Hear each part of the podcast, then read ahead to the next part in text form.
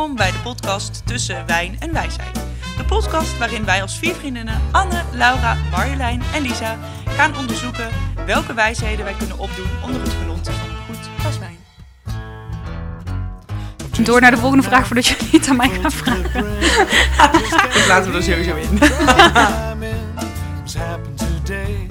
What can I say?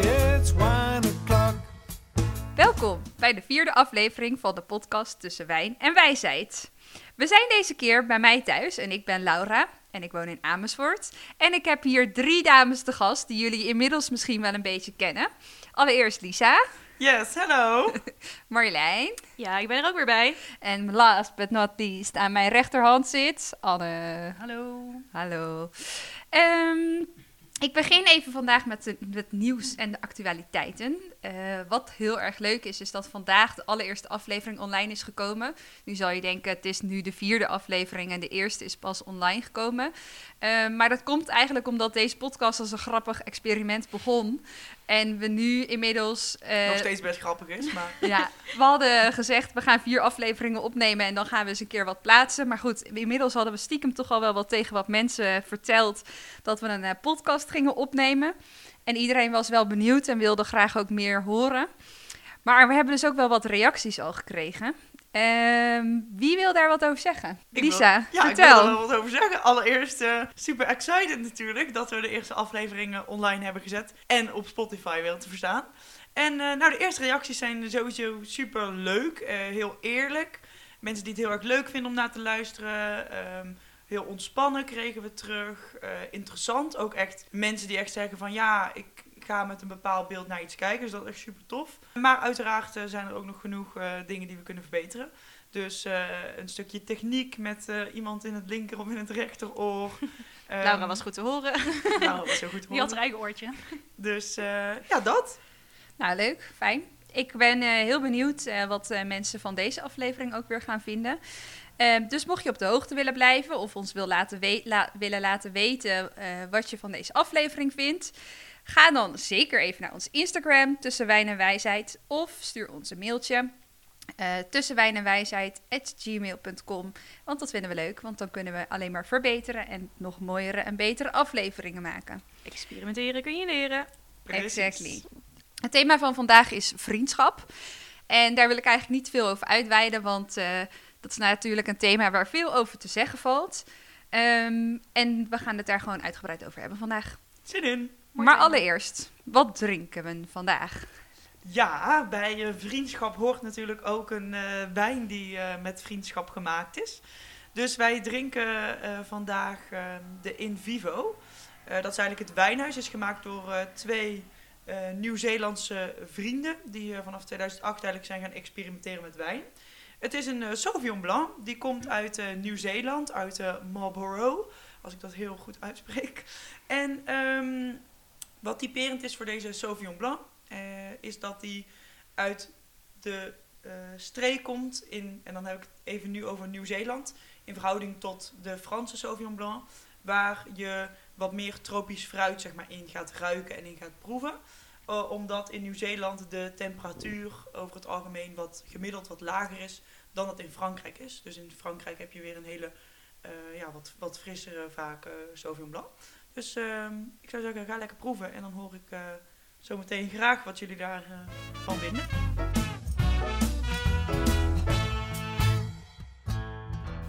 Oké, nou ladies, ik ben benieuwd. Dan gaan we nu eh, echt van start. En zoals eh, elke podcast beginnen we met even wat wijsheden. Eh, ik ben ook heel erg benieuwd, hoeveel weten jullie over vriendschap?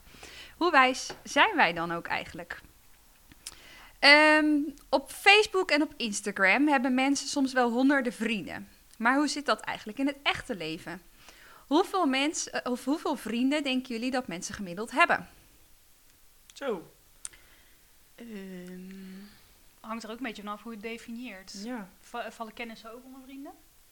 Nee, het gaat echt over vrienden. Drie? Nee, ik denk dat de meeste mensen wel zeggen dat ze meer vrienden hebben. Ik denk eh, zeven. Ik zeg 15. Echt? Ja, Nou, ook- dat zijn toch echt niet allemaal vrienden dan? Ja, de buurvrouw en de, de vuilnisman die langskomt, de melkboer. Ja, ik weet niet. Ik denk dat, dat, eh, ja, ik denk dat mensen zeg maar al snel wel iets eh, benoemen als vrienden, zo Ja, gezegd. misschien heb je daar dan wel een ander... Ja. Ik zou zelf niet zeggen dat ik 15 vrienden heb, denk ik. Als in echt goede vrienden. Nou, misschien ook wel. Nou, ik houd het gewoon bij 15. Nou, in het echte leven, jongens, heeft eh, bijna de helft van alle Nederlanders 1 tot 5 vrienden. Nou, Dus Marjolein zat goed.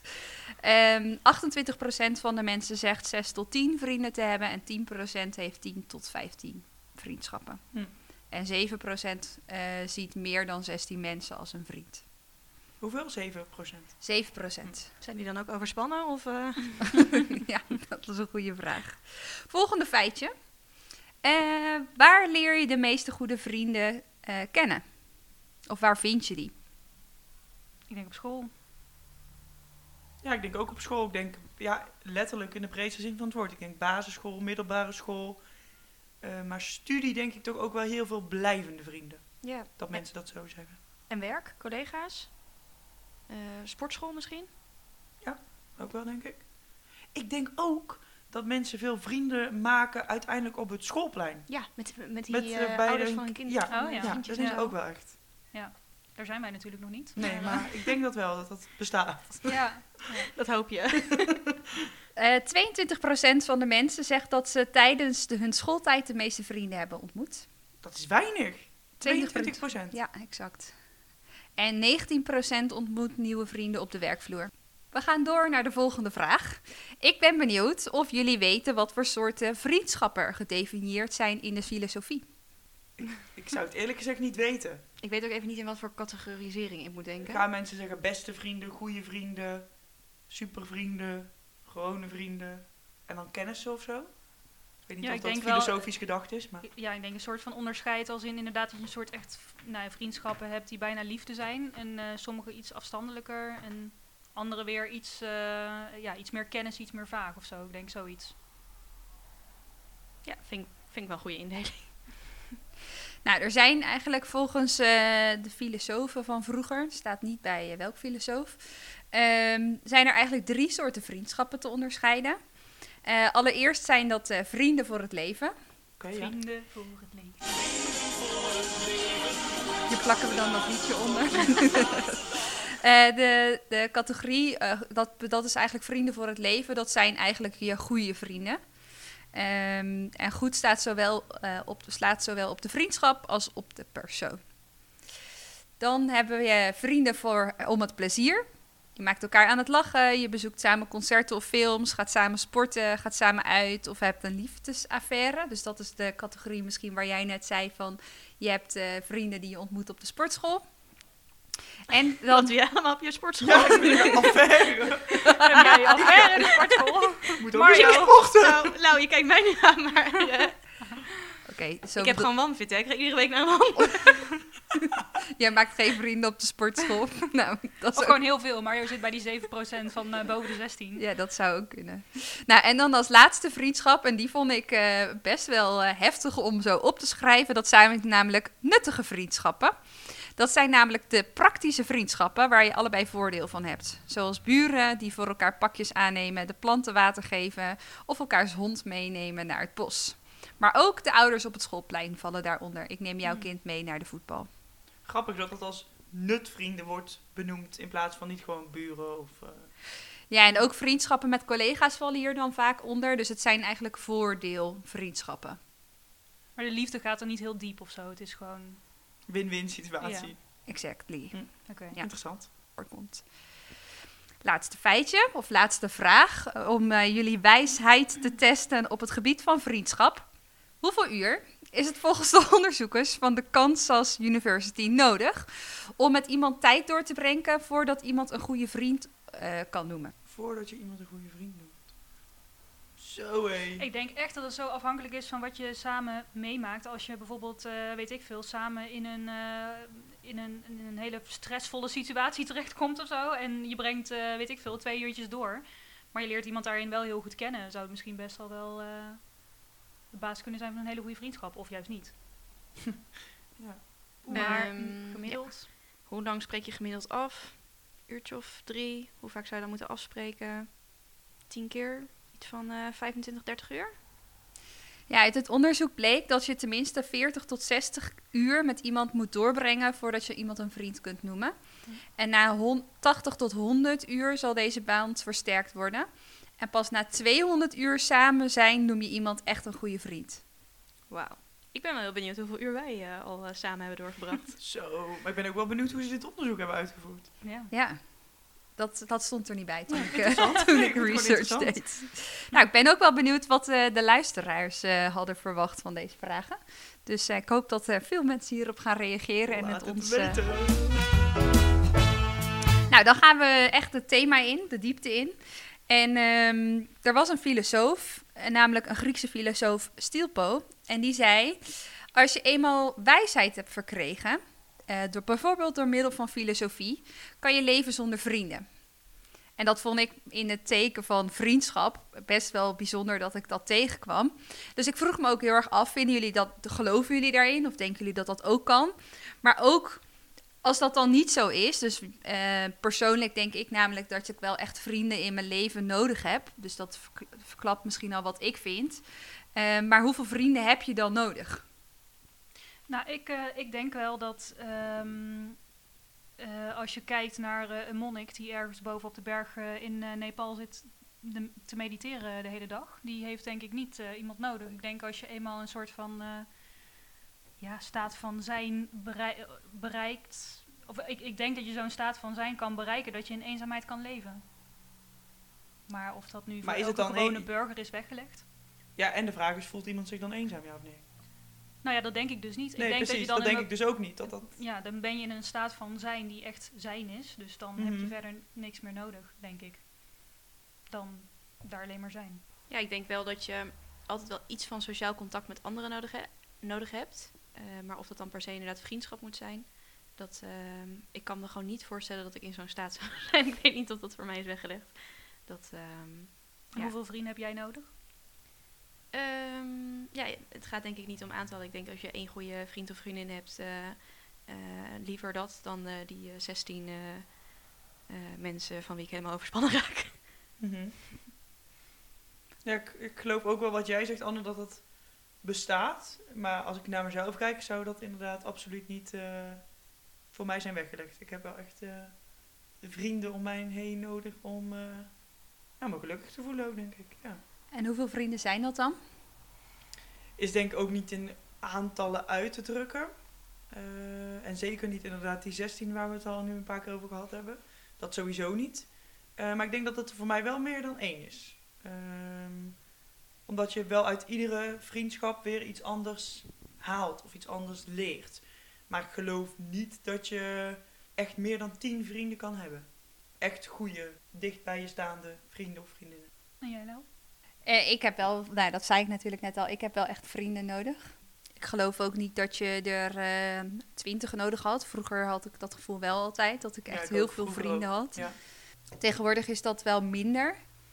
Eh, maar ik heb ook wel echt dat onderscheid in vriendinnen. Zeg maar, ik heb vriendinnen waar ik alle lieve leed mee deel. Vriendinnen die ik heel veel mee deel, maar wel oppervlakkiger. Die zullen minder snel vragen van, gaat het wel echt helemaal goed met je? Eh, maar ik heb ook wel vriendinnen die ik misschien eh, vier, vijf keer per jaar zie. Maar dat zijn eh, echt net zulke waardevolle vriendinnen. Omdat als ik die, die hoef ik maar te bellen of te zien of te spreken. En dan is het alsof we elkaar gisteren nog gesproken hadden. eh, hebben, elkaar nog gesproken hebben. Ehm, dus ik geloof wel dat ik misschien wel tegen die tien aan zit. Of misschien nog zelfs wel iets daarboven. Maar dat zijn wel verschillende varianten van vriendschap voor mij. Ja, ik had nuttig, eh, tenminste, ik had nodig ook eh, geïnterpreteerd als wat is het minimale. Ja. En niet zozeer als wat is je ideale eh, Mhm. getal. Dan zou ik ook wel hoger dan één zitten. Maar eh, ja, liever één goede vriend dan, eh Dan die 16 geen. vrienden. Of dat dan bedoel ik 16, mee. ja precies. En eh, daar heb ik eigenlijk wel een vervolgvraag op aan eh, Anne en aan Lisa. Reken jij jouw partner ook bij jouw aantal vrienden? Hm, dat is grappig, want eh, als je me de vraag zo stelt, dan reken ik hem niet bij mijn, nou in mijn geval eigenlijk veel vriendinnen. Maar Lex is eigenlijk wel mijn allerbeste vriend. Dus ik zou hem er wel bij moeten rekenen, laat ik het zo zeggen. Ja, ik ook wel. Ik noem eh Paola ook wel heel vaak mijn maatje. Of mijn levenspartner. ja, het voelt wel als, eh, als mijn maatje. En ik, ik weet nog wel, als ik dan vroeger... Of vroeger, nou ja, ik heb niet heel veel eh, begrafenissen meegemaakt. Maar dan, dan hoorde je wel eens zo van... eh, ja, hij was echt mijn maatje. Of ik ben mijn maatje kwijt. En dan... ehm, dat vond ik altijd wel een mooie uitspraak. Maar iets waar ik nog niet heel erg aan kon relateren of zo. Mhm. En dat voel ik nu wel zo van... eh, ja, ze is echt mijn maatje. Mooi. Hoe heb jij mooi. dat ervaren, Marlijn, toen jij een relatie had? Ja, eh, ook heel erg op die manier. En dat is dan ook gelijk het gemis, eh, of een van de gemissen die je hebt op het moment dat, het, eh, dat je uit elkaar gaat. Dat gewoon iemand met wie je alles bespreekt en die alles tegen je durft te zeggen. Je constant een spiegel voorhoudt. eh, nou, je ook vasthoudt op het moment dat je een keer Mhm. er doorheen zit. Noem het maar op, dat je dat dan ineens kwijt bent. Dat, eh, eh, dus ik herken wel heel erg wat jullie eh, beschrijven. En hoop dat ook weer te vinden.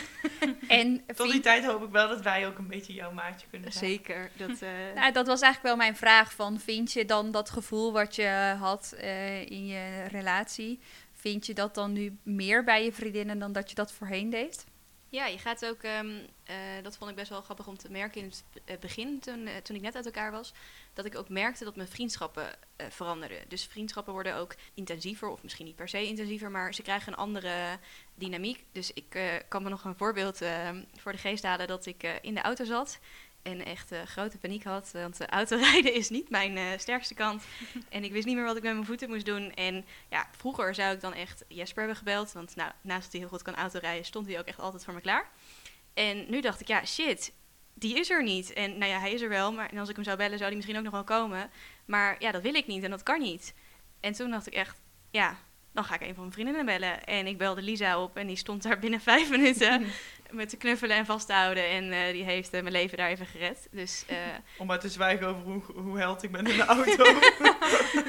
Dat was, gaan ook, dat was ook de allergrootste grap toen ik hoorde dat jullie met z'n tweeën elkaar hadden gebeld om een auto te gaan rijden. Toen viel ik ongeveer van mijn stoel af. Hé, hey, maar we zitten er, hè? Exactly, ik ben echt mega trots op jullie dat jullie dat hebben gedaan. Dus dat is wel een mooi voorbeeld dat je gewoon op een andere manier ehm, je vriendschap ook gaat zien. En dat, eh, ik dacht dat we al een hele complete vriendschap hadden, bijvoorbeeld Lies en ik. Maar toch ontdek je dan weer nieuwe kanten van elkaar. En eh, ja, nodigt het ook weer uit om op andere manieren met elkaar eh, te zijn. Dus dat vind ik heel mooi. eh. Dat vind ik dus echt mooi, hè? En niet omdat ze dat nu, dat voorbeeld noemt waar ik dan zelf in voorkom, maar meer in het algemeen. Dat vind ik gewoon, dat vind ik dus ook heel mooi aan vriendschap. Dat vind ik ook wat vriendschap in mijn beleving ook wel hoort of mag zijn. Ja, ik ervaar dat ook wel hoor. Want Marjolein en bij mijn relatie gingen natuurlijk vrij snel na elkaar uit. En ehm, het allereerste wat ik deed was mijn vriendinnen bellen, dus jullie bellen. Ik merkte ook dat iedereen staat ineens voor je klaar. Dat vond ik ook wel echt het super fijne aan zeg maar de relatie verbreken is natuurlijk verdrietig. Ja, Maar het feit dat je zoveel mensen eh, nog meer laten blijken dat ze altijd voor je zijn, dat vond ik ook echt heel eh, waardevol. Heel warm. En dan heb je ook wel het gevoel van, zie je, ik kan de hele wereld aan. Maar dat vond ik ook mooi hoe jij dat, eh, Marjolein, ook hebt omschreven. Dat je zei van ik spring wel in het diepe, maar hoe zei je dat ook alweer? Maar ik kom op een warm bed eh, terecht van eh, lieve vrienden en familie die eh, Ja. me opvangen. Vond ik echt mooi. Om nog maar even terug te pakken op een filosoof. Eh, volgens Aristoteles eh, streeft elk levend wezen ernaar om zijn of haar doel te bereiken. En in dit geval kan je zeggen dat goede vrienden elkaar helpen om de beste versie te worden van zichzelf. Ervaren jullie dat in, jou, in jullie vriendschappen? Ja, ik denk sowieso dat, ehm, dat je elkaar heel erg spiegelt in, in vriendschappen, überhaupt in sociale relaties. Denk ik dat je continu eh, wordt gespiegeld. En ehm, ik denk dat vrienden daarin ook wel je de spiegel kunnen voorhouden soms van... hé, hey, jij doet nu iets wat niet eh, eh, congruent is met wat je anders doet, zeg maar. Of tenminste, ik denk wel in echte vriendschappen. En ik denk dat, dat wij dat ook wel doen. Dat je elkaar daarin soms ook wel even met de neus op de feiten ehm, kunt drukken. Dat durven wij wel te doen bij elkaar, volgens mij. En ja, in mijn eh, relatie met Paola, mijn maatje er maar weer even bij eh, te houden, die, eh, die kan dat ook flink doen. Dus, ehm, en ik denk dat ik daar wel steeds een betere versie van mezelf word. Heb je een voorbeeld waarin wij dat bij jou hebben gedaan? Ehm, nou ja, bijvoorbeeld met deze podcast. Ik, ik vind het best wel lastig om mezelf uit te spreken over dingen en ehm, mijn mening te geven. En ja, ik heb wel het gevoel in deze vriendschap, omdat jullie het zo hebben doorgezet, dat het, ja, dat het, het is voor mij een soort van exposure therapie geworden nu. En eh, ja, dat is wel als een gevolg van deze, deze podcast. En eh, daarin heb ik ook, voordat we de, de podcast eh, begonnen, op een gegeven moment ook wel aangegeven van... ja jongens, ik vind het toch wel heel spannend en ik wil nog wat afspraken maken Mhm. en zo. En daarin hebben jullie mij ook in mijn waarde gelaten en met me meegedacht van... oké, hoe kunnen we dan dat eh, waarborgen? Dus hebben we de liefdevolle podcast pact opgesteld met elkaar. Dus ja, dat is eh, denk ik een goed voorbeeld. En nu, Mooi. denk, nu denken alle luisteraars dat we een heleboel afspraken hebben gemaakt, maar dat eh, is natuurlijk niet zo.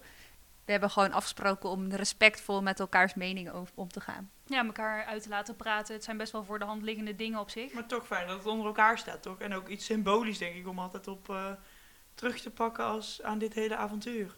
Ja. Ook als we straks bejaard zijn. Ik bewaar hem voor altijd in ieder geval. Ik weet niet wat jullie doen, maar... Lisa, ik heb eh, ook nog wel deze vraag aan jou. Ehm, heb jij in al jouw vriendschappen het gevoel dat eh, zij helpen om de beste versie van jezelf te worden?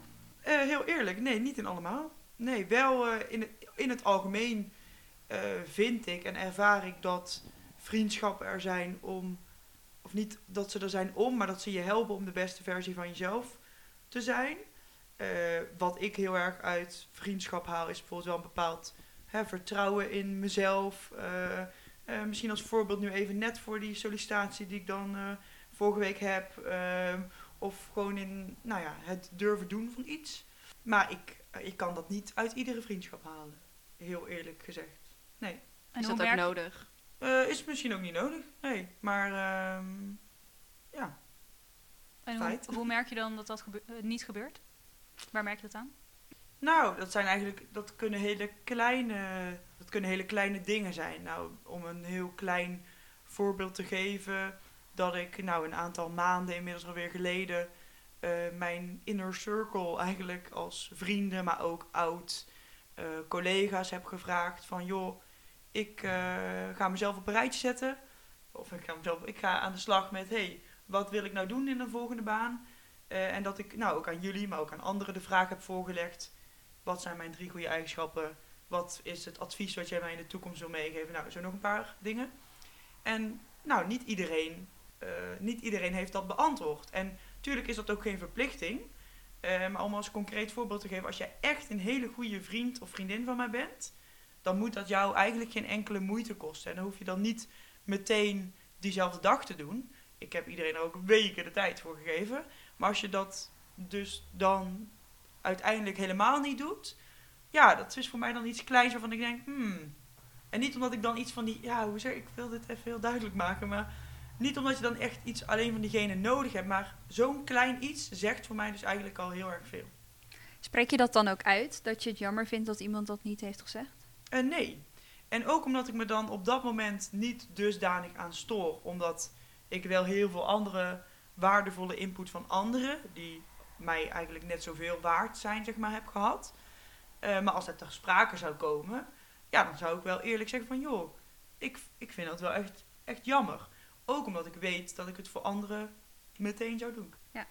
Maar dat is meteen wel eentje die ik, waar ik zelf wel eens mee worstel, wat niet helemaal eerlijk is, dat je van een andere vriend of vriendin een bepaalde verwachting hebt van iets wat je zelf zou doen. En dat, daar probeer ik mezelf af en toe wel met de, op mijn vingers te tikken van Lisa, dat kan je niet altijd van iemand verwachten. Dat iemand hetzelfde is als jij of dat iemand op dezelfde manier op iets reageert of attent is of wat dan ook. Dus dat prent ik wel in mijn hoofd. Dus ik probeer dat op die manier ook wel een beetje, nou ja, Ik denk dat iedereen het misschien op zijn eigen manier probeert ehm, uit te drukken. Ja. Ik heb wel eens eh, een keer iets gelezen over dat je verschillende manieren hebt om liefde te uiten. zeker, zeker. Dus sommige mensen doen dat door te zeggen, sommige mensen doen dat dingen te ja. geven. Ja. En zo, ja, zo zijn er verschillende manieren waarop je liefde kan uiten. Dus het wil niet zeggen dat het een beter is dan Nee, het ander. zeg Zeker maar. niet. Dus dat probeer ik me ook altijd weer. Ja, dat denk ik wel heel vaak aan. Van, Ja. oh ja, Lies, weet je wel. Jij doet het op deze manier, maar dat wil niet zeggen dat iemand anders dat ook op die manier moet doen. Helemaal niet. Maar dat is soms wel lastig. Ik heb een volgende vraag. Eh, hoe begint voor jullie een vriendschap? Is dat altijd op dezelfde manier? Begin een vriendschap vanuit een bepaalde levensfase? Dat vind ik een leuke vraag. Ik vind dat zo heel moeilijk. Dat ik dan soms wel eens terug zit te denken aan wie mijn vrienden zijn. Nou, daar hoef ik niet echt over na te denken. Maar dat ik gewoon niet meer zo goed weet wat nou die, ja, die vonk was. Of wat er nou voor heeft gezorgd dat je nu zulke goede vrienden bent. Hoe dat is ontstaan. Nou ja, deels komt dat natuurlijk ook doordat je eh, een die bepaalde tijd, waarin we dat in, die wij, in het begin hè, van een stukje wijsheid, je brengt heel veel tijd met elkaar door, bijvoorbeeld op school. Ja, maar ik ben dus altijd wel benieuwd als dat element wegvalt. Dus eh, het element waarmee je vriendschap begint, dat kan bijvoorbeeld school, studie, eh, sporten zijn. Op het moment dat dat wegvalt, dan vind ik een vriend pas dat je elkaar ook blijft zien op het moment dat dat element wegvalt. Je bedoelt bijvoorbeeld dat als wij collega's zouden zijn en daar ontstaat een vriendschap uit en we zijn daarna geen collega's meer, dat je dan wel vrienden blijft. Ja. En Exact. dan ben je pas echt een vriend, bedoel je eigenlijk. Zeg, als je elkaar dan ook nog blijft zien. Nee, maar ik heb bijvoorbeeld wel eh, een vriendin, Loes. Eh, ik hoop dat Loes dit geen probleem vindt dat ik Hey, haar Loes. benoem. Leuk dat je er Eh, bent. Hey Loes, leuk dat je er bent. Eh, maar wij zijn vanuit collega's zijn we vriendinnen geworden. En we zien elkaar nu. We zijn geen collega's meer. We hebben bij verschillende bedrijven ook samengewerkt. Maar de momenten dat wij elkaar nu zien, of als wij elkaar spreken, of als we elkaar bellen, we logeren een aantal keer per jaar met elkaar, dan is het ook weer alsof we dan terug bij toen waren. Dan Mhm. voelt dat wel voor mij als een vriendschap. Tuurlijk is dat een andere vriendschap dan dat ik met jullie heb. Want jullie zie ik eh, nou inmiddels eh, veel, veel vaker. Tot in den treuren. Nou, het is nog geen verveling. Maar dat is voor mij wel ook echt een vriendin. Omdat je elkaar op elkaar kan terugvallen, elkaar om een advies kan vragen. Mhm. Ja. Dan ben ik ook wel eens benieuwd. Ehm, vriendschappen verwateren natuurlijk best wel vaak. Eh, mensen die je helaas eh, niet meer vaak ziet of eh, die gewoon vergaan. Je kan ook niet met iedereen vrienden blijven. Maar heb je wel eens heel bewust een vriendschap beëindigd? Ik wel. Ik ook. Ja, ik heb, ehm, ik heb één keer iemand ehm, ja, gewoon open kaart gespeeld. Ik had op dat moment zoveel vriendschappen en ook all over the place, zeg maar. En toen heb ik wel open kaart gespeeld van ja, ik kan het gewoon niet meer bijhouden. Om met iedereen vrienden te blijven. Dus het spijt me, ik ga mijn, eh, mijn kring om mij heen verkleinen. En ehm, ja, ik, eh, sorry, ik, ja, ik kan gewoon ehm, niet meer zo vaak afspreken. Mhm. Of eh, voorlopig wil ik eigenlijk even helemaal niet afspreken. Om gewoon even wat meer rust in de, in de tent te brengen. En hoewel ik haar echt ja, nog steeds een super warm hart toedraag, want het was een, echt een fantastische meid. Ja, heb ik, dat toen, heb ik daarin toen wel eh zo gezegd voor mezelf gekozen of zo. Hoe reageerde voor zij mijn daarop? rust. Nou, echt heel fijn, heel eh, eh, volwassen ook dat ze het, dat ze het begreep. Dus dat, dat was, ja, wat dat betreft ook een, een hele succesvolle ervaring. Dus ja, bewijst alleen maar meer, weer hoe fantastisch zij ook was als mens. En dat dus lag echt betekent niet ook aan haar. wel echt vrienden, als je dat kan. Ja, misschien wel. Ja, we spreken elkaar eigenlijk niet meer en eh, we zien elkaar ook nooit meer. Maar het is nog steeds iemand ja, waar ik wel met eh, warme gevoelens aan terugdenk van... Het was echt een, een fantastisch persoon. Het, lag echt, het was niks persoonlijks. Mooi. Mooi ook hoe zij, Heel dat dan- mooi, ja. hoe zij eh, reageert. Ja, En heb je spijt ervan dat je dat hebt gedaan? nee, nee, dat niet. Nee. Dat is Ja. alleen maar fijn dan toch? ja, ja. En jij Mario, hoe was dat bij jou? Ja, ik heb ook een soort van het ja, uitgemaakt. het klinkt misschien een beetje gek, met een vriendin. En dat, had ik, dat heb ik gedaan omdat ik merkte dat, ehm, dat we eigenlijk een beetje uit elkaar waren gegroeid. Eerst dacht ik zoiets van, nou, dat loopt misschien wel een beetje op zijn beloop. En dat verwatert misschien een beetje op een natuurlijke manier.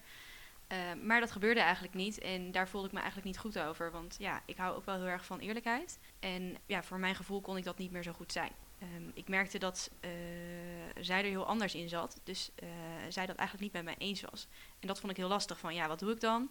Eh, ga ik dan steeds minder energie erin steken? En ja, dat werkte eigenlijk niet. Ik merkte dat zij mij steeds intensiever eh, begon op te zoeken omdat ze me miste. Wat natuurlijk een super mooi compliment is. Maar ja, dat vond ik, Mhm. ja, ik kon dat niet over mijn hart verkrijgen om daar dan zo in te staan. En dan ondertussen ja, dat een beetje te laten verwateren. Dus uiteindelijk heb ik ook de stoute schoenen aangetrokken. En dat ehm, besproken met haar. Eh, dat, dat was best wel een lastig gesprek, omdat ze dat dus niet eh, op die manier zelf ervaarde. Ehm, maar eh, ja, ik gun haar gewoon een vriendin die er altijd voor de is en die gewoon open en eerlijk is en met wie ze gewoon echt leuke ehm, dingen kan doen. En ik, voor mijn gevoel kon ik dat niet meer, die rol voor haar invullen. Ehm, dus ja, ik ben, als je vraagt van heb je er spijt van, want dat vroeg je, eh, dat vroeg Laura net en Anne, dan heb ik hier geen spijt van. Maar het was niet mijn makkelijkste. Maar Makkelijk was anders. Makkelijk was anders. Dat, en ik had het liever ander, anders gewild. Maar voor mijn gevoel eh, was dit voor mij de enige manier om eh, ja, ook eerlijk te zijn naar mezelf. En dat vind ik. eh, Ja, Daarin wel heel belangrijk. knap hoor. Ik vind het heel dapper dat, dat je dat zo eh, hebt aangepakt dan. ja, ik Maar het hoop is niet ook dat, makkelijk. Ik heb ook wel het idee dat ze, dat ze het niet direct misschien op die manier kon zien, maar uiteindelijk wel. En dat, eh, dat vind ik ook weer heel knap van haar. Als je er zo anders in staat, dat je dan toch uiteindelijk... eh, ja, het kwam voor haar echt als een klap. En ik weet niet hoe ik dat had kunnen verzachten. Dat, eh, Ik vind het echt stoer van je dat je dat gedaan hebt. Het lijkt me zo onwijs moeilijk om eigenlijk tegen iemand te vertellen van... ja, je bent voor mij niet meer de vriendin zoals ik graag een vriendschap zie. En zeker misschien ook omdat je voelt dat het contrast dan eigenlijk zo groot is. Ja, en als je dan jou een beetje kent, dan ben je super eh, trouw eh, aan je vriendschappen. Dus ik denk ook wat dat betreft dat het, dat het echt wel voor jou misschien ook een waardestrijd is geweest of zo. Het is twee dingen van ben ik trouw aan iemand of eh, trouw aan mezelf of eerlijk. Ja. Eerlijkheid en, en trouw, misschien twee waarden die daar heel erg in conflict zijn geweest. Dat, ja, dat, is echt precies de dat was echt precies de struggle. ja, dus het lijkt me ook een lastige exercitie. En is het dan zo dat ehm, jij zag haar niet als een vriendin voor het leven? Ehm, maar waarom heb je dan niet op dat moment gekozen om eh, er gewoon een vriendschap van, om het plezier of misschien een nuttige vriendschap van te maken? Ehm, ja, misschien was het al, dat al voor mij. Oké. Dat, ehm, ik denk dat het dat al was. Maar misschien voor haar niet. Nee. En dat, en dat was dan heel lastig. verschil waarschijnlijk. Mag ik benoemen dat ik zie dat het je emotioneert? Ja, dat mag je zeker benoemen. Ja, ik vind gewoon nog steeds... Ik doe gewoon niet graag iemand pijn. En in dat gesprek heb ik voor mijn gevoel dat wel weer erg gedaan. Ehm, dus ja, het is heel mooi dat je bij jezelf blijft en dat je eh, handelt naar je eigen waarden. Maar dat is niet iets wat ik ja, graag doe. Dus eh, Of van nature zou doen. ja, dus ik gun haar... Het, ik heb het echt gedaan omdat ik haar gewoon nog mooiere vriendschappen gun... dan dat ik haar op dat moment kon eh, geven. Maar dat is ook, dat vind ik echt, dat is ook echt next level op een totaal andere manier misschien, maar wel vriendschap. Hoe jij dat hebt, ja, hoe, hoe zeg je dat?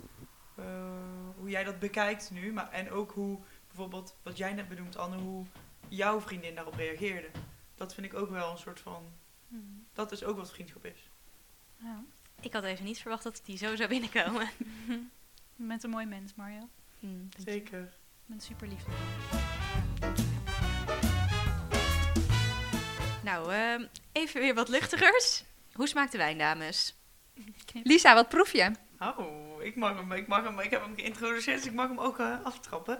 Wat proef ik? Nou, ik proef ehm, best wel een eh, fruitige wijn. En in de afdronk vind ik hem vrij vol. En echt een beetje die aroma's van dat, ja, dat tropische en echt dat rijpe fruit. Dat kan ik er wel echt heel erg uithalen. En dan ben ik vooral benieuwd, Laura, of jij hem lekker vindt. Want ik weet eh, dat dit de wijn is waar je hart sneller van gaat kloppen. Nou, ik, nam een, ik had niet eens de fles bekeken. Ik had hem wel koud gelegd, maar niet bekeken wat we gingen drinken eigenlijk. Ik nam een slok en ik dacht, ja, dit is mijn wijn.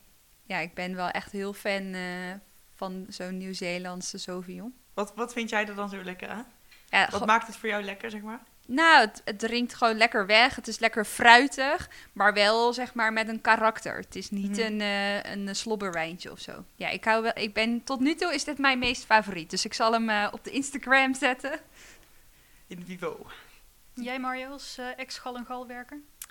Medewerker? Het is echt een typische Sauvignon Blanc uit Nieuw-Zeeland. Ehm, dus inderdaad de fruitigheid en de, de, eh, dat herken ik heel erg. Ik vind hem wel...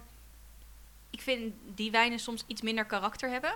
Ehm, en dat kan ik ook wel heel erg waarderen in een wijn. Dus als ik hem proef, dan weet ik van... Oh, misschien ben ik zo'n kenner. dit, niet dat jullie dat nu denken, maar dit is een eh Sauvignon Blanc uit Nieuw-Zeeland. Want je proeft inderdaad heel erg de fruitigheid in de afdronk. Maar daardoor vind ik hem wel minder onderscheidend. Dat Lekker, klopt. maar ehm, niet die vriend voor het leven. Dat is mooi. Dat is een mooie eh, En door link. naar de volgende vraag voordat je niet aan mij gaat vragen. Dit laten we er sowieso in. Dat is een mooi haakje. Geen vrienden voor het leven volgens jou, eh, Marjolein. Maar nou hoef je natuurlijk ook niet altijd alleen maar vrienden voor het leven te hebben. We hebben het al even gehad over pleziervrienden en over nuttige vrienden. Als ik naar mijzelf kijk, eh, heb ik best wel veel variatie in mijn vriendschappen. Niet iedereen zijn voor mij vrienden voor het leven. Ik heb ook echt hele fijne vrienden ehm, waar ik heel veel plezier aan beleef. Waar ik echt eh, nuttige dingen mee doe. En waar ik ook echt lief en leed mee kan delen. Maar wel op een andere manier waar ik dat- waarop ik dat met jullie doe. Dus ik ben eigenlijk wel benieuwd hoe jij eh, dat ziet, Anne. Ik moet even, de categorieën zijn nut, plezier, vrienden Eh. voor het leven. Exact. Dat zijn er drie. Ja. Oké. Nou, ik, ik denk eigenlijk niet dat ik vrienden heb voor het nut. Als ik nu even zo langs mijn eh, vrienden heen eh, scroll. Ik weet ook niet of ik, of ik nutvrienden, zeg maar, of ik dat snel vrienden zou noemen. Ik denk dat ik dat dan misschien eerder een kennis zou noemen. Want een vriendschap is voor mij toch wel iets waar ik een soort van warme, warm gevoel bij heb. eh, een, ja, een beetje een soort van liefde eh, voel voor een persoon. Ja, daarom zei ik toen straks ook al van zijn je buren niet gewoon je buren in plaats van de nutvrienden. Want anders zouden jouw buren misschien ook al onder de categorie Ja. nutvrienden kunnen komen. Maar dat beantwoord je eigenlijk al. Maar voor mij zijn eh, de mensen waar ik mee sport, dat zijn wel echt mijn vrienden. En daar deel ik ook eh, mijn dagelijkse Mhm. zoetsappigheid mee als ik met hun aan het sporten ben. Dus ik zie hun wel echt meer dan alleen maar nut eh, om mee te sporten. Ik zie ze echt wel als vrienden van... eh hey, zit je wel goed in je vel? hey, wat houdt je bezig? dat kan ook, dat kan ook. Maar zie je ze dan als nutvrienden of pleziervrienden? Of vrienden voor het leven. Nou, vrienden voor het leven zijn wel mensen waarmee ik echt lief en leed deel. En mijn, eh, dat zijn de mensen die ik als allereerst zou bellen. Dus dan zijn het pleziervrienden misschien. Ja, pleziervrienden. Waar je echt mee lol... Ja, vriendschappen voor, de, ja, voor het plezier. Maar kan er ook... eh, ik ga er ook graag mee op stap. En een avond, inderdaad een avond plezier mee beleef. Mhm. Ehm, mooi. ja, en ik zou ook wel op het moment dat de situatie ertoe doet... zou ik me ook aan hun wel openstellen. Eh, er zijn ook wel een aantal waarmee ik dat ook wel heb gedaan of mee doe. Nee. Heb jij nutvrienden, Lisa? Mm, nee, mm, ik denk het ook. Nou, laat ik het zo zeggen. Dat bepaalde collega's eh, wel nut of plezier vrienden kunnen zijn voor een bepaalde periode. Ik heb bijvoorbeeld, nu ik niet meer werkzaam ben bij mijn vorige baan. Ja, daar, sommige mensen zie en spreek ik nog regelmatig. En sommige ook helemaal niet. Waarvan je in eerste instantie misschien wel denkt van... hé, hey, die blijf ik zien en die blijf ik spreken. Maar dat vervalt dan eigenlijk. Dus dan ja, vooral ook achteraf denk je dan van, oh ja, dat waren dan meer misschien dan die nutvrienden. Als je het hebt over een win-win situatie, werkgerelateerd, dan dat het echt vrienden voor het leven of pleziervrienden eh, waren. Maar ik heb vooral heel veel verschillende eh, vrienden. En dat vind ik heel cool. Wat, waarin eh, verschillen ze van elkaar? Oeh, ja, in soms ja, heel wisselend denk ik gewoon in, in karakter, maar zelfs ook in bepaalde eh, misschien ambities of interesses. Maar wat ik dus echt zo het allercoolste vind, en ik hoop dat jullie dat gewoon een beetje kunnen beamen, is dat als ik ze allemaal bij elkaar aan tafel zet, dat het gewoon één groot feest is. En dat het toch, al, zou je mij weghalen, dus ik ben dan misschien de verbindende factor waarom jullie dan aan die tafel zitten. Al zou je me ertussen uithalen, dan blijft dat denk ik zo. En dat vind ik wel, kan ik niet helemaal benoemen wat het dan is, maar dat vind ik wel echt super cool. En dat maakt me dus wel echt super trots. Ook al zijn ze allemaal, nou ja, voor mij heel erg uniek en heel erg anders. En je deelt gewoon soms, ja, je deelt net even misschien andere dingen met een ieder. En met de ene is dat inderdaad misschien meer plezier, met de ander gaat dat meer de diepte in. Eh, met de ander eh, ga je al eh, way back. Weet je wel, dat zit gewoon eh, ja, diep in je hart. Dat is mooi, vind ik. Vind ik ook mooi om te horen. Heel mooi. En we kunnen het denk ik, als ik voor mezelf spreek, zeker beamen dat dat eh, zo is op jouw eh, vriendenparties. Ja, cool. Leuk. Ja, nou, dan heb ik ook nog wel een vraag voor jou, Ruud, als het gaat over vriendschap. Wat betekent vriendschap dan voor jou? Wat is vriendschap voor jou? Vriendschap eh, kan voor mij heel veel kant op. Ik kan heel veel plezier met iemand beleven of dingen meemaken met iemand waardoor je daar vanuit daar vrienden bent. Maar als ik echt kijk naar goede vriendschappen, dan is dat wel dat iemand voor mij klaar staat en dat iemand mij begrijpt en iemand eh, mij eigenlijk altijd achter mij zou staan, ook al maak ik een verkeerde keuze. En dat heb ik ook bij mijn vriendinnen. Als ik een keer een, verkeurde, een verkeerde keuze maak, dat zij altijd zullen zeggen: Nou, daar heb je dan nu van geleerd. En de volgende keer kan je het anders doen. Ja. Oh. Maar dat betekent ook dat ik dat bij iemand anders ook altijd zou doen. Ik zou. Ja, dat eh, klinkt ook wel logisch om eerlijk te zijn als je dat... ja. Ik verwacht dat van iemand anders. Dus dan verwacht ik dat. eh, dat doe ik ook bij iemand je, anders. Ja, dat je het ook verwacht dat je van jezelf dat je het doet. Ja. Anno, hoe is dat voor jou? Ja, ik denk, ik denk dat vriendschap voor mij ergens wel heel dicht bij, eh, bij liefde ligt of zo. Dat, ehm, ik denk wel dat het bij mij echt diep moet gaan voordat ik iemand een, eh, een vriend eh, noem. En wat ik, wat ik probeer, dat klinkt een beetje raar, maar wat ik in, in, een, in een liefdesrelatie ook doe en wat ik dus in, in die zin met vrienden ook probeer te doen, is dat het dan dus ook onvoorwaardelijk is. Dat probeer ik na te streven. Dus natuurlijk heb je soms eh, verwachtingen en word je wel eens teleurgesteld. Mhm. Ehm, maar dan ga ik wel bij mezelf ja, te raden, zeg maar, van eh, ja, wat, wat voor eigen belang daarin zit. Ja, dat denk ik. Mooi, onvoorwaardelijke Ja, liefde. nou ja, het- om het misschien uit te leggen, het zit voor mij niet bijvoorbeeld in, ehm, in, de, in, in kwantitatieve dingen. Nee. Dus niet in hoe vaak zie je elkaar, hoeveel kaartjes stuur je naar elkaar, hoe vaak eh, bel je me of app je me. Of, daar zit voor mij niet eh, de waarde van de vriendschap in. Het, het, het zit er voor mij denk ik ook juist heel, eh, heel erg in een bepaald gevoel wat je, wat je hebt voor elkaar. Dat je elkaar echt oprecht het allerbeste gunt. Ja, dat herken ik wel. En er echt voor elkaar bent. Ja. En wat ik, wat ik zelf dan ook wel belangrijk vind, maar ook wel een beetje uit jullie verhalen pro- proef, maar ook vooral hetgeen hoe jij het echt letterlijk omschrijft, is dat het ook echt, klinkt echt misschien heel afgezakt, veel logisch, maar echt tweezijdig moet zijn. Een vriendschap is echt pas, vind ik, op zijn puurst of op zijn best als het tweeledig is. En niet per se tweeledig met inderdaad dezelfde hoeveelheid kaartjes of dezelfde hoeveelheid dit, maar tweeledig qua, nou ja, onvoorwaardelijke liefde, om het maar in jouw termen te blijven. Ja, maar ergens is dat dan toch weer niet onvoorwaardelijk. Zit ik dan nu te denken terwijl je dit zegt. Denk ik, als je iets geeft en je verwa- verwacht het eh, terug, dan is het niet onvoorwaardelijk. Is dat zo? Ja, Ja. Kijk, Dus misschien eh, was het voor mij een heel heilig praatje, maar verwacht ik ergens toch stiekem wel ook wat terug. Zat ik nu op mezelf te reflecteren. Maar ja, uiteindelijk wil je natuurlijk wel. Want vriendschap of relatie, als je het mij vraagt, dit is ook dubbel wat ik nu ga zeggen, eh, maar vriendschap of relatie is altijd in mijn beleving tweeledig. Een vriendschap werkt niet als het van één kant komt. Misschien eventjes, maar niet op de langere termijn. Ja. Hetzelfde geldt voor een relatie. Maar ja, wat ik dan eerder benoem vandaag, is dat ik het dus wel een vriendschap vind als hè, de, de dame waar jij de vriendschap mee beëindigt.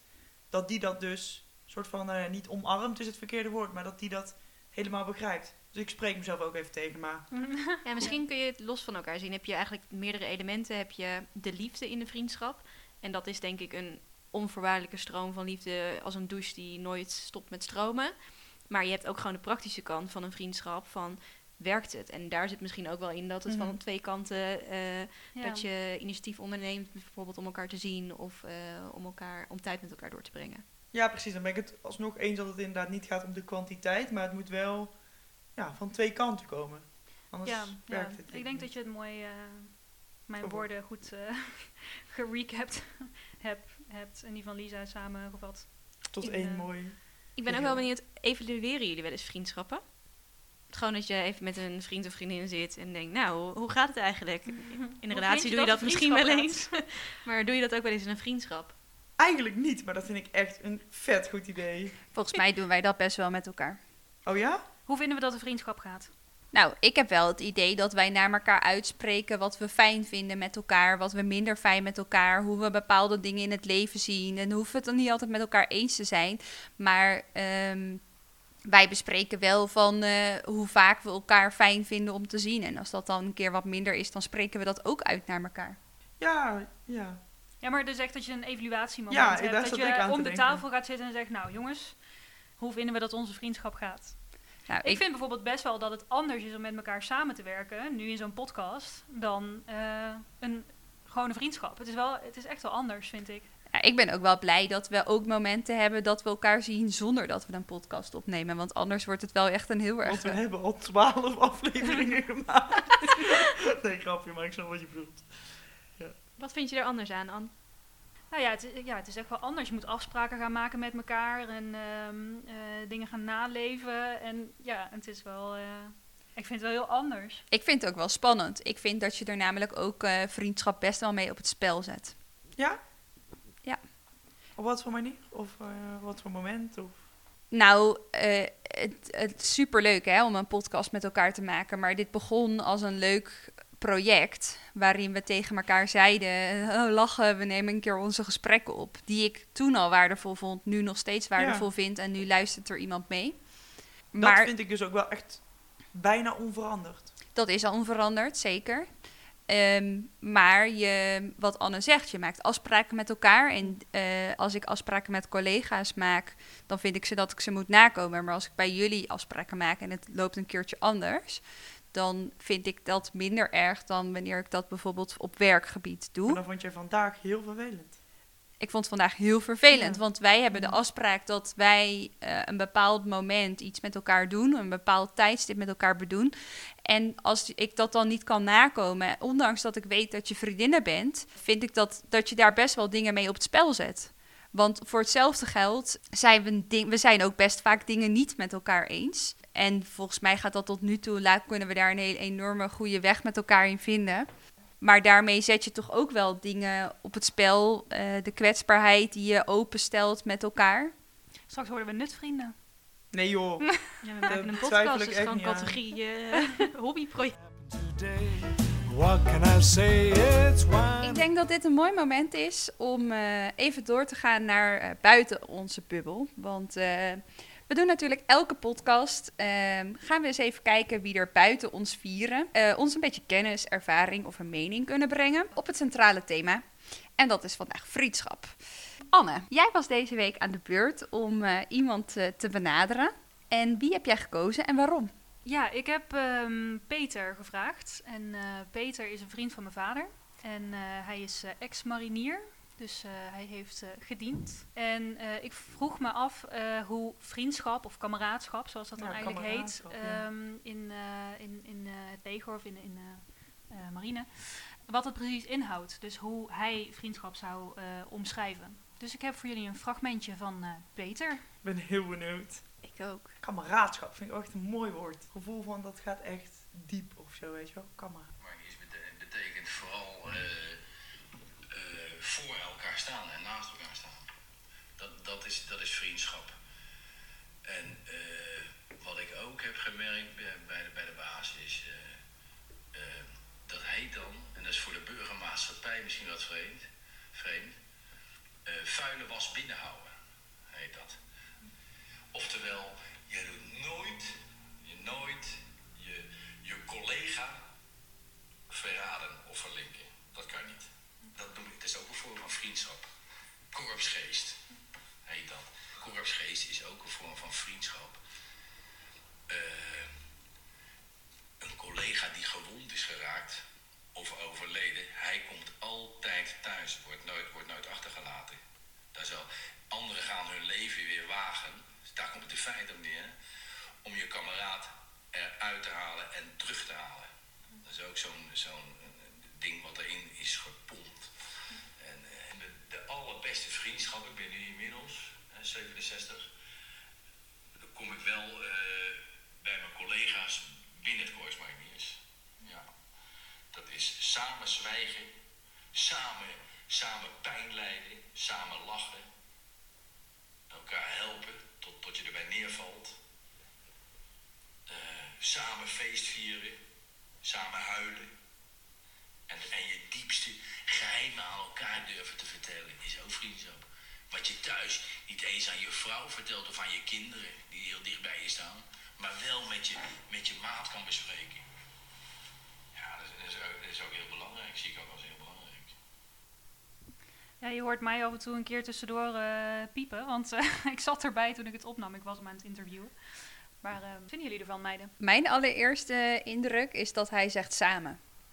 En dat is wel, denk ik, wat ook heel mooi uit ons verhaal net bleek. Is dat vriendschap, dat is iets van iemand anders en van jou. Tweeledig, je doet iets samen. Ja, en ik denk ook wel wat heel erg uit zijn verhaal komt, is in goede tijden en in slechte tijden. En samen lachen, samen huilen. En wat ik heel mooi vond, wat hij benoemde, is je hangt nooit de vuile was eh, van eigenlijk van jouw kameraad buiten. Dat vond ik heel, ja, vond ik wel mooi, mooi gezegd hoe hij dat zei.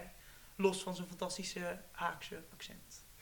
Wat ik ook heel eh, mooi vind, is, nou ja, ik, ik, ik ken zijn verhalen van ehm, toen hij bij eh Korps Mariniers eh, zat. En wat ik heel mooi vind, is dat hij ook beschrijft, is je zit gewoon in situaties met elkaar en je zit opgesloten met elkaar in die situaties. Je kunt nergens anders heen dan naar elkaar toe of naar elkaar toe. En dat, dat vind ik heel eh, mooi. En ik denk dat die vriendschappen daarom ook zo diep gaan, want je moet wel met elkaar, zeg maar. Dus je bent echt op elkaar aangewezen. En ik denk ja, in, in, in, eh, ja, in, in de normale eh, dagelijkse gang van zaken kun je weglopen bij een vriendschap die je even niks brengt. Of waar je even geen zin in hebt of zo. En daar moet je het met elkaar echt, eh, ga je gewoon diep, zeg maar. En dat, eh, het is een soort van snelkookpan eh, van het leven, denk ik, wat sociale relaties betreft. Ja, maar dat, Lisa haalt het wel heel erg mooi aan met ook de, de in slechte en in goede tijden. Want Peter noemt ook heel erg de fun-elementen die je met elkaar doormaakt. En ik denk, mensen zeggen soms wel eens van ja, we zijn zulke goede vrienden, of we- want we hebben zoveel meegemaakt. Maar ik denk dat het dan ook wel gaat over de leuke momenten die je met elkaar hebt meegemaakt. Dus dat het een combinatie is van die twee. En dat vind ik dat hij heel sterk beschrijft. Dus zowel de open positieve gesprekken als de sorrows die je met elkaar deelt. Ehm, dan ben ik wel benieuwd. Hè. Als je dan nu het verhaal van Peter hoort, daar komt voor mij één ding heel duidelijk ook naar boven. En als je dan naar je eigen vriendschappen kijkt en het verhaal van Peter daarin meegenomen, wat is vriendschap dan voor jullie in één woord? Laura, voor jou? Wat is de basis van vriendschap? Zo moet ik het zeggen. Nou, als ik dit verhaal hoor, dan weet ik niet of, hoe ik dat in één woord moet omschrijven. Maar samen, liefde, dat zijn eigenlijk de twee die voor mij het Mhm. eh, meeste... Je gaat echt samen en voor elkaar door het vuur. En je bent er altijd in goede en in slechte Mhm. tijden. Ja, samen zou je dan denken, is bij jou denk ik het overkoepelende woord. En voor jou? Eh, ja, ik zat ook te denken aan eh, liefde, maar misschien ook wel waardigheid. Eh, dus dat je elkaar echt in de waarde laat. En misschien is dat wat ik eerder bedoelde met onvoorwaardelijk. dus dat je ja, elkaar in de waarde laat Ja, dat je iemand accepteert zoals die is en daarvoor respecteert en waardeert. en daarvan houdt. Ja. Ik heb daar niks meer aan toe te voegen. Jij nog wel, Lies? Ik denk dus ook wel echt op basis van Peters verhaal vertrouwen. Als je dan kijkt wat die mannen denk ik met elkaar, eh, mannen en vrouwen trouwens, sorry, voor elkaar moeten boksen, is denk ik eh, vertrouwen echt zo'n belangrijke basis voor, die, ja, voor dat kameraadschap, of voor die vriendschap. En dat herken ik ook wel in mijn eigen vriendschap. Ja, dat zeg je mooi. Ladies, het zit er eh, op. We hebben flink eh, wat opgenomen vandaag. Flink wat eh, weer op tafel gekregen. En eh, zoals aan elk eind van elke uitzending ben ik benieuwd eh, welke wijsheden hebben jullie opgedaan? Nou, ik heb in deze aflevering wel veel meer geleerd over het ontstaan van een vriendschap. Dus hoe, eh, hoe komt die eh, vonk eh, over? En ehm, ook wel eh, lijkt het me interessant om ja, vriendschappen te evalueren. Ik denk dat dat best wel iets, eh, iets kan zijn wat nog meer verdieping aan je vriendschap kan eh, brengen. Dus Nou, ik ben wel benieuwd wat onze luisteraars hebben geleerd vandaag van deze podcast. Maar ook wat jij zegt, Marjolein. Het evalueren van vriendschappen is volgens mij iets wat super interessant is. Misschien is het in- leuk om daar op een later moment nog een keer een aflevering aan te wijden. Eh, om een vervolg hierop te maken. En wellicht doen onze luisteraars al wel vriendschappen evalueren. En dan zijn we heel erg benieuwd hoe jullie dat dan doen en ook wat je daar dan uithaalt. Dus voor nu wil ik eigenlijk iedereen bedanken weer voor het luisteren. Eh, maar ik kan me ook zomaar voorstellen dat je tips hebt, of dat je dingen wil weten, of dat je interessante thema's hebt voor een volgende keer. Dan horen we die heel erg graag. Het thema voor de volgende keer is al wel bepaald. Dat is namelijk bij Lisa thuis. En Lisa zal dan ook weer de host zijn. En waar gaan we het dan over hebben? We gaan het eens hebben over gewoontes. Oeh, shit. Komen dan alle slechte dingen van ons ook op tafel of alle goede gewoontes? Nou, we zijn heel erg benieuwd welke gewoontes jij misschien al wel hebt en kan je die al wel vast met ons delen. Abonneer je dan ook even op onze kanalen om geen updates te missen. Eh, stuur een mailtje naar wij, eh, tussenwijn en wijsheid@gmail.com of ga naar onze website www.tussenwijnenwijsheid.nl. En dan eh, is het tot slot om mij te zeggen: proost en tot de volgende keer.